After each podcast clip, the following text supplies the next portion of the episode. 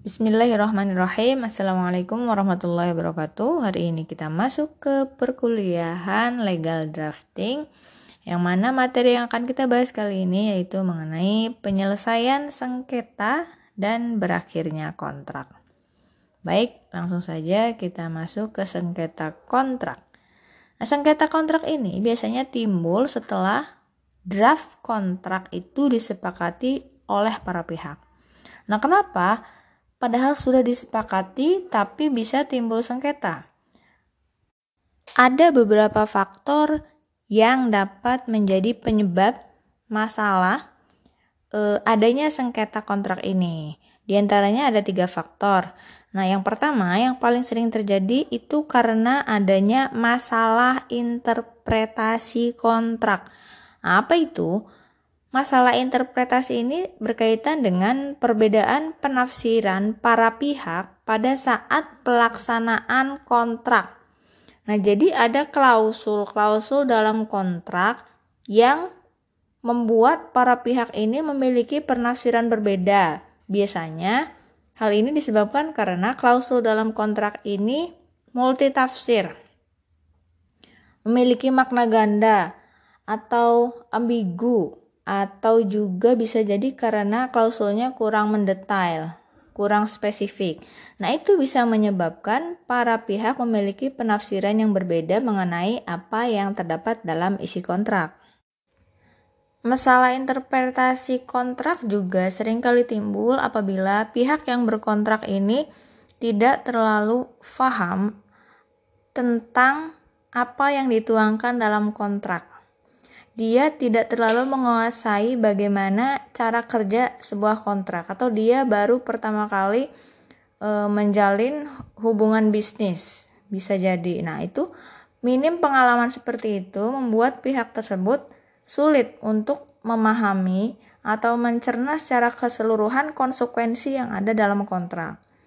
Nah, selanjutnya, faktor yang kedua itu bisa jadi karena masalah itikat para pihak. Nah, itikat ini berarti adalah lawan dari itikat baik. Artinya ada salah satu pihak yang memang berniat dia beritikat tidak baik dengan adanya kontrak tersebut. Sehingga dalam pelaksanaannya pasti akan menimbulkan masalah. Nah, di sini saya akan mencontohkan salah satu kasus sengketa kontrak tapi bukan nyata. E, karena kalau saya mencontohkan satu kasus nyata dalam putusan pengadilan itu sangat panjang dan kalian harus membacanya berulang-ulang. Jadi saya akan contohkan di salah satu film. Di kalau yang kalian sudah nonton mungkin film Startup. Nah, di situ ada sengketa kontrak an, sengketa kontrak antara Samsantech dan Tusto. Jadi Samsantech itu perusahaan rintisan yang ingin mendapatkan kucuran dana atau modal dari Tusto. Nah, di situ sebenarnya Samsung Tech ini ingin mendapatkan uh, kucuran dana berupa investasi dari Tusto. Nah, tapi Tusto ini mengajukannya kontraknya adalah kontrak akuisisi. Nah, konsekuensinya apa? Samsung Tech ini tidak mengetahui konsekuensi dari akuisisi. Nah, perbedaannya apabila kontrak investasi investor ini tidak memiliki kendali langsung terhadap perusahaan tersebut. Nah, tetapi kalau akuisisi, otomatis perusahaan yang mengakuisisi bisa mengendalikan atau mengontrol langsung perusahaan yang diakuisisi. Dia bisa membubarkan atau bisa mengganti orang yang ada di perusahaan yang diakuisisi. Nah, maka di situ bisa timbullah permasalahan karena kurangnya pengetahuan Nah, interpretasi Samsan Teh kan difikirnya dia akan mendapatkan modal dengan tim yang sama. Padahal tidak seperti itu, karena sebenarnya Tusto sudah beritikat tidak baik sebelumnya, namun Samsan Teh tidak mengetahui adanya indikasi tersebut. Begitu. Lanjut ke Penyebab atau faktor ketiga yang menyebabkan sengketa kontrak itu bisa terjadi karena adanya masalah eksternal. Masalahnya berasal dari pihak di luar pihak yang berkontrak. Hal ini sering terjadi karena pihak eksternal tersebut melakukan penolakan terhadap pelaksanaan kontrak yang ada. Nah, ini mungkin sering kali kalian lihat misalnya ada kontrak-kontrak pertambangan atau kontrak-kontrak yang berkaitan dengan pengolahan satu lahan tertentu, pembangunan gedung tertentu. Nah, ada masyarakat-masyarakat sekitar yang tidak menyetujui atas e, kontrak atau pelaksanaan prestasi tersebut. Maka timbullah sengketa antara pihak eksternal yaitu masyarakat dan para pihak pembuat kontrak begitu. Nah, masalah-masalah yang tadi timbul terus tentunya harus diselesaikan. Maka ada penyelesaian sengketa kontrak yang diatur dalam peraturan perundang-undangan di Indonesia. Nah, penyelesaian sengketa kontrak ini terbagi dua. Yang pertama ada litigasi yang kedua, ada non-litigasi. Nah, litigasi itu pada intinya adalah penyelesaian sengketa kontrak dengan cara mengajukan gugatan ke pengadilan negeri. Nah, mengajukan gugatannya ke pengadilan negeri mana? Pertama, bisa mengajukan gugatan ke pengadilan negeri tempat di mana tergugat ada, misalnya kalau perusahaan berarti perusahaannya di mana. Nah, di situ mengajukan pengadilan negerinya. Atau sesuai kontrak, misalnya dalam kontrak sudah diatur penyelesaian sengketa akan e, ditempuh melalui pengadilan negeri A, misalnya Bandung atau Jakarta atau Jogja, jadi sudah disebutkan. Nah, yang kedua yaitu non litigasi. Non litigasi ini penyelesaian sengketa di luar pengadilan umum apa pun itu, maka disebutnya non-litigasi. Yang penting dia di luar e, proses peradilan. Nah, sekarang gimana? Misalnya dalam menyusun kontrak, penyelesaian sengketa apa yang akan dipilih ketika terdapat perselisihan?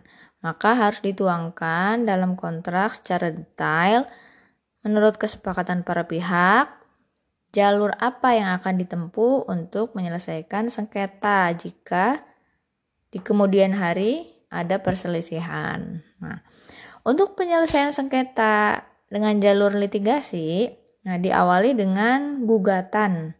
Gugatan yang diajukan ke pengadilan negeri. Gugatan tersebut dibagi pada umumnya ada tiga bentuk. Yang pertama ada gugatan wan prestasi. Nah, jadi one prestasi itu apa? Intinya pelaksanaannya itu tidak sesuai prestasi, tidak sesuai apa yang diperjanjikan para pihak. Pertama, bisa jadi pihak tidak melaksanakan, tidak melaksanakan sama sekali. Itu bisa jadi one prestasi. Kemudian, pelaksanaan tidak sesuai. Misalnya, pihak A harus menyerahkan kendaraan bermotor kepada pihak B tipe A dengan CC misalnya sekian. Nah, tetapi CC-nya justru berbeda. Nah, itu bisa menjadi alasan atau bisa menjadi faktor bahwa pelaksanaan prestasinya itu tidak sesuai. Bisa jadi terlambat, misalnya membayar e, kredit, keterlambatan pihak. Nah, itu bisa menjadi pelaksanaan tidak sesuai. Kemudian bisa jadi melanggar kontrak. Melanggar ini bisa jadi melakukan hal-hal yang tidak diperbolehkan sesuai apa yang diatur dalam kontrak. Misalnya ketika sewa menyewa tidak boleh merusak atau tidak boleh menyewakan kembali ke pihak ketiga. Itu malah dilakukan. Nah, berarti itu melanggar kontrak. Hal-hal itu masuk kepada one prestasi. Nah, selanjutnya ada PMH atau perbuatan melawan hukum. Nah, perbuatan melawan hukum ini berkaitan dengan pihak yang melakukan atau melanggar peraturan perundang-undangan atau aturan hukum yang ada di mana dia berada. Misalnya gini, eh, pihak asing itu melakukan investasi di Indonesia. Ia melakukan pekerjaan e, sebuah kontrak di Indonesia, maka dia harus tunduk kepada peraturan yang ada di Indonesia. Tapi dia melanggarnya, maka itu bisa menjadi perbuatan melawan hukum. Kemudian, gugatan berupa pembatalan. Jadi, intinya pihak tersebut ingin kontrak yang ada itu dibatalkan. Nah, ini bisa terjadi karena kontrak tidak memenuhi syarat sah. Tetapi sebenarnya tidak hanya itu, pihak bisa mengajukan gugatan pembatalan. Bisa jadi karena one prestasi, maka bisa boleh diajukan pembatalan. Kemudian kerugian. Nah, ternyata ketika kontrak dilaksanakan, pihak A misalnya mengalami banyak kerugian yang sebelumnya tidak terduga, maka dia boleh mengajukan pembatalan atau keadaan memaksa. Misalnya ada bencana, nah keduanya ini tidak bisa lagi melaksanakan apa yang ada dalam kontrak. Maka pihak tersebut boleh mengajukan pembatalan. Nah, apabila mengajukan gugatan tersebut, otomatis ada hak-hak pihak yang tidak didapatkan. Nah, sementara apa yang bisa dia tuntutkan ke pengadilan dalam gugatan tersebut? Pertama, dia bisa meminta pemenuhan prestasi. Artinya yang sebelumnya tidak sesuai bisa e, diganti atau disesuaikan dengan apa yang tertuang dalam kontrak. Kemudian kedua, bisa juga menuntut ganti rugi. Jadi bisa meminta pemenuhan prestasi plus ganti rugi atau juga bisa meminta pembatalan perjanjian dan ganti rugi kepada majelis hakim. Nah, akan tetapi ada pengecualian ketika keadaannya force major seperti yang sudah saya pernah sedikit bahas. Jadi ada keadaan-keadaan memaksa yang mana tidak bisa diajukan e, ganti rugi kepada para pihak. Nah, force major ini ada dua, ada absolut, ada relatif. Nah, kalau yang absolut ini sama sekali prestasi itu tidak bisa dilaksanakan. Nah, kalau yang relatif masih mungkin dilaksanakan, namun ada keringanan misalnya perpanjangan waktu.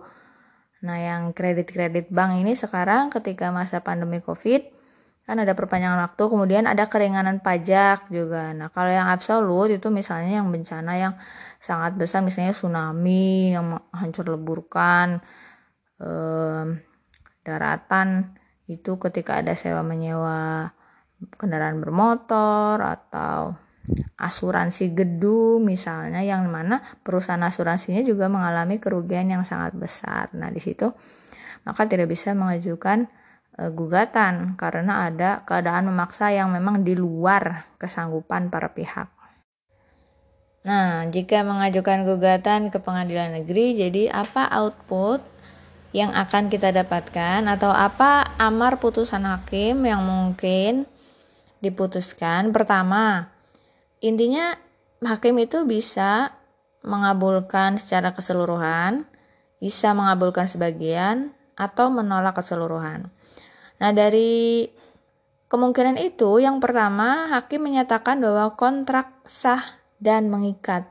Nah, kalau menyatakan kontrak sah dan mengikat, artinya kontrak tersebut berlaku atau berkonsekuensi sesuai apa yang ada dalam isi kontrak berdasarkan penafsiran hakim. Nah, kemudian menyatakan bahwa kontrak batal dan tidak mengikat. Berarti nanti di sini para pihak tidak bisa dikenai sanksi atau apa pun yang ada dalam kontrak tersebut. Kemudian yang terakhir menyatakan bahwa kontrak batal demi hukum null and void. Nah, berarti ketika kontrak batal demi hukum dianggap tidak ada kontrak, para pihak tidak akan mendapatkan konsekuensi apa-apa dan tidak akan mendapatkan hak seperti yang apa dituliskan sebagai prestasi. Penyelesaian sengketa kontrak yang kedua yaitu melalui jalur non-litigasi atau intinya di luar peradilan umum. Nah, pengaturannya di sini sebenarnya saya kemukakan dua, yaitu ada peraturan yang secara umum mengatur tentang penyelesaian sengketa kontrak secara non litigasi yaitu ada di Undang-Undang Nomor 30 tahun 1999. Nah, kemudian satu lagi ada penyelesaian sengketa melalui jalur non litigasi yang dikhususkan untuk lembaga jasa keuangan. Nah, itu diatur oleh otoritas jasa keuangan. Ada dua peraturan yang berkaitan dengan alternatif penyelesaian sengketa itu. Yang pertama ada di tahun 2014, yang kemudian yang terbaru dibuat atau disahkan tahun 2020. Dalam Undang-Undang Nomor 30 1999 tentang arbitrase dan alternatif penyelesaian sengketa disebutkan ada beberapa um, jalur yang bisa dilalui oleh para pihak. Yang pertama bisa melalui arbitrase, konsultasi, negosiasi, mediasi, konsiliasi, dan penilaian ahli. Nah, sementara dalam peraturan otoritas jasa keuangan di tahun 2014 tentang penyelesaian sengketa di sektor jasa keuangan di luar peradilan itu disebutkan tiga bentuk penyelesaian sengketa. Pertama ada mediasi, adjudikasi, dan terakhir ada arbitrase. Ya, dalam pasal 1 angka 1 Undang-Undang Nomor 30 1999 disebutkan bahwa arbitrase adalah cara penyelesaian suatu sengketa perdata nah, harus digaris garis bawahi di situ ada jelas sengketa perdata kalau pidana tidak bisa ya pakai arbitrase. Nah di luar peradilan umum yang didasarkan pada perjanjian arbitrase berarti sebelumnya dalam kontrak itu harus sudah atau sebelum mengajukan ke arbitrase para pihak ini sudah sepakat bahwa penyelesaian sengketa dilakukan di lembaga arbitrase yang dibuat secara tertulis oleh para pihak yang bersengketa. Jadi harus tertulis persetujuan penyelesaian sengketa melalui lembaga arbitrasenya. Nah, apakah semua bidang perdata bisa selesaikan misalnya dengan arbitrase? Perdata kan banyak, ada ada tentang perkawinan gitu. Apakah bisa melalui arbitrase? Nah, jadi arbitrase ini disebutkan dalam pasal 5 ayat 1 hanya untuk bidang perdagangan ya. Hanya untuk bidang perdagangan. Nah, ini pemeriksaannya juga secara tertutup. Nah, kita kembali ke sisi perdata. Jadi bedanya kalau perdata dan pidana, kalau perdata ini sifatnya tertutup, tidak diekspos. Beda kalau kasus-kasus pidana, pembunuhan, penculikan itu kan kita biasa lihat di TV, tapi kalau perdata tidak. Nah, putusannya itu Gimana kalau sudah ada putusan itu bersifat final. Nah, kalau di pengadilan negeri itu kan ada bisa ngajuin banding, bisa kasasi. Tapi kalau di arbitrase putusannya bersifat final atau ingkrah ya. Nah, pelaksanaannya atau eksekusinya nanti setelah dari arbitrase ada putusan, maka putusan arbitrase ini diserahkan atau didaftarkan ke kepanitraan peradilan negeri, pengadilan negeri untuk dilakukan eksekusi.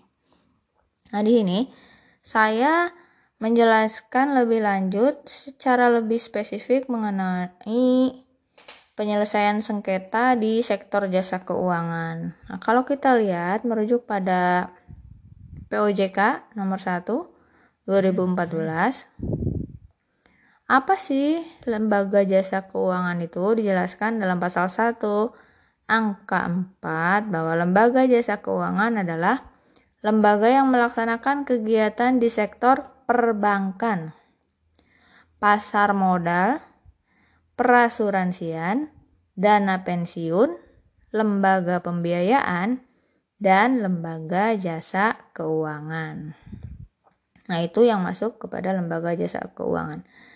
Nah, tetapi pada peraturan OJK terbaru yang di tahun 2020 ini lebih spesifik lagi disebutkan bahwa pelaku jasa keuangan atau pelaku usaha jasa keuangan yang selanjutnya disebut PUJK itu bisa berupa bank umum, bank perkreditan, perantara perdagangan efek. Perantara perdagangan efek tahu nggak kalian?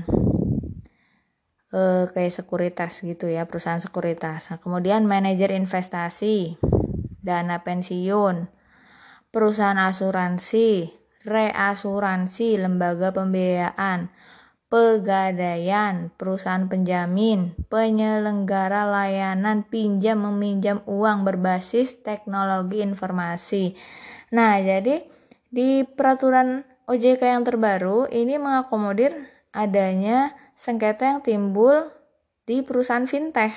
Nah, kalau yang sebelumnya di yang di tahun 2014 itu kan belum diatur. Nah, tapi kalau di yang 2020 ini lebih spesifik apa saja yang bisa masuk kepada kategori usaha jasa keuangan. Kemudian ada penyelenggara urun dana.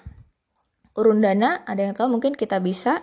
Nah, itu salah satu bisa disebut layanan urun dana. Kemudian lembaga keuangan mikro, ekspor impor, permodalan nasional dan lain sebagainya yang berkaitan pengelolaan dana intinya apa pun itu bisa masuk kepada Eh, PUJK atau pelaku usaha jasa keuangan. Nah, kalau ada yang ingin tahu kira-kira eh, lembaga alternatif penyelesaian sengketa di sektor jasa keuangan itu apa aja, bisa dilihat nanti di uh, websitenya OJK itu ada sekitar 6 lembaga jasa sorry ada sekitar 6 lembaga alternatif penyelesaian sengketa yang dinaungi OJK sorry ada Badan Mediasi dan Arbitrase Asuransi Interna Indonesia, kemudian Badan Arbitrase Pasar Modal Indonesia, Badan Mediasi Dana Pensiun, dan lain sebagainya. Nah, terutama yang paling utama untuk Indonesia sendiri itu ada BANI atau Badan Arbitrase Nasional Indonesia. Nah, itu tadi. Jadi badan-badan itu bukan hanya e, sebagai arbitrer ya, tapi juga sebagai mediator juga bisa. Nah, selanjutnya kita masuk ke berakhirnya kontrak. Nah, berakhirnya kontrak ini kurang lebih semuanya ada 12 hal yang dapat menjadi sebab berakhirnya kontrak. Pertama ada pembayaran. Maksudnya gimana? Misalnya kita melakukan pemberian atau pembelian e, sesuatu secara kredit atau cicilan. Nah, ketika dilunasi semua walaupun jangkanya belum berakhir, apabila dalam kontrak diatur ketika lunas masa maka bisa berakhir, maka pembayaran tersebut mengakhiri kontrak yang telah disepakati. Kedua, bisa berupa novasi. Novasi itu bisa juga disebut sebagai pembaruan prestasi. Jadi prestasi sebelumnya itu dianggap eh, atau kurang sesuai sehingga ada atau dibuat kontrak baru, prestasinya baru. Maka berarti kontrak yang pertama tadi sudah berakhir. Kemudian kompensasi. Kompensasi ini perjumpaan utang. Jadi bisa dilihat di pasal 1425, 1435 KUH Perdata. Misalnya A utang sama B. Tetapi B punya utang sama C. Nah, jadi di situ e, dikompensasikan bahwa A membayar ke C, tidak usah membayar ke B. Nah, di situ bisa disebut kompensasi atau perjumpaan utang. Selanjutnya ada Confusio. Kalau sedikit confuse ini pembelajaran ini jadi lumayan ya. Ada Confusio ini percampuran utang. Percampuran tuh maksudnya gimana? Jadi kedudukan antara kreditur sama debitur yang utang sama yang diutangi ini jadi e, bisa jadi yang ngutangin ini jadi yang berhutang. Contohnya misalnya gini. A ngutang ke B tapi B ini punya utang ke ayahnya A. Nah, ayahnya meninggal nih, ayahnya A. Nah, berarti jadinya A dan B ini saling utang menghutangi. Ya, jadi bisa jadi B juga jadi kreditur A, A juga jadi kreditur B di situ. Lanjut. Berakhirnya kontrak bisa karena pembebasan utang ya udahlah ya diikhlasin aja nah ketika udah ikhlas sudah berakhir kontrak utang piutang itu ya atau bukan hanya utang sebenarnya ya pembebasan pelaksanaan prestasi. Nah, itu bisa menjadi sebab berakhirnya kontrak. Misalnya harus ngapain? Pengolahan lahan persawahan misalnya. Tapi kata yang punya lahannya udah nggak usah ikhlas aja, nggak usah digarap hari ini lagi susah air misalnya atau apa. Nah, maka kontrak berakhir. Kemudian ada pembatalan. Nah, pihak para pihak ini melakukan pembatalan kemudian disetujui, maka berakhirlah kontrak. Kedua, eh, selanjutnya ke tujuh syarat batal. Nah, syarat batal ini harus ada tertuang dalam kontrak ya, misalnya Apabila dalam jangka dua bulan prestasi belum juga dilaksanakan, maka berlaku syarat batal. Jadi ketika dua bulan tidak dilaksanakan, maka kontrak tersebut batal, berakhir. kemudian daluarsa. Daluarsa itu ya sudah jangka waktunya berakhir. Misalnya saya menyewa rumah jangka waktunya dua tahun. Nah, ketika lebih dari dua tahun, itu namanya daluarsa, berarti kontraknya sudah berakhir. Selanjutnya prestasi terpenuhi. Nah, di sini tidak berpatokan kepada jangka waktu misalnya, asal sudah terpenuhi maka dianggap kontrak berakhir. Selanjutnya kesepakatan. Ya, kedua belah pihak ini sudah sepakat misalnya, sudah yuk kita akhiri saja kontraknya padahal belum selesai prestasinya atau belum selesai jangka waktunya misalnya. Tapi kedua belah pihak sepakat, maka boleh kontrak tersebut berakhir. Kemudian pemutusan sepihak. Nah, pemutusan sepihak misalnya pihak A memutuskan saya sudah kontrak di sini. Kemudian pihak B tidak mempermasalahkan. Ya sudah berarti bisa jadi kontrak dari pihak yang memutuskan itu sudah berakhir. Terakhir ada putusan pengadilan. Otomatis kalau putusan pengadilannya menyatakan bahwa kontrak batal, kontrak tidak mengikat, maka otomatis kontrak berakhir. Nah, sekian untuk pembahasan yang cukup panjang di kuliah terakhir ceramah saya sebelum mahasiswa presentasi artikelnya masing-masing. Semoga dapat dipahami. Wassalamualaikum warahmatullahi wabarakatuh.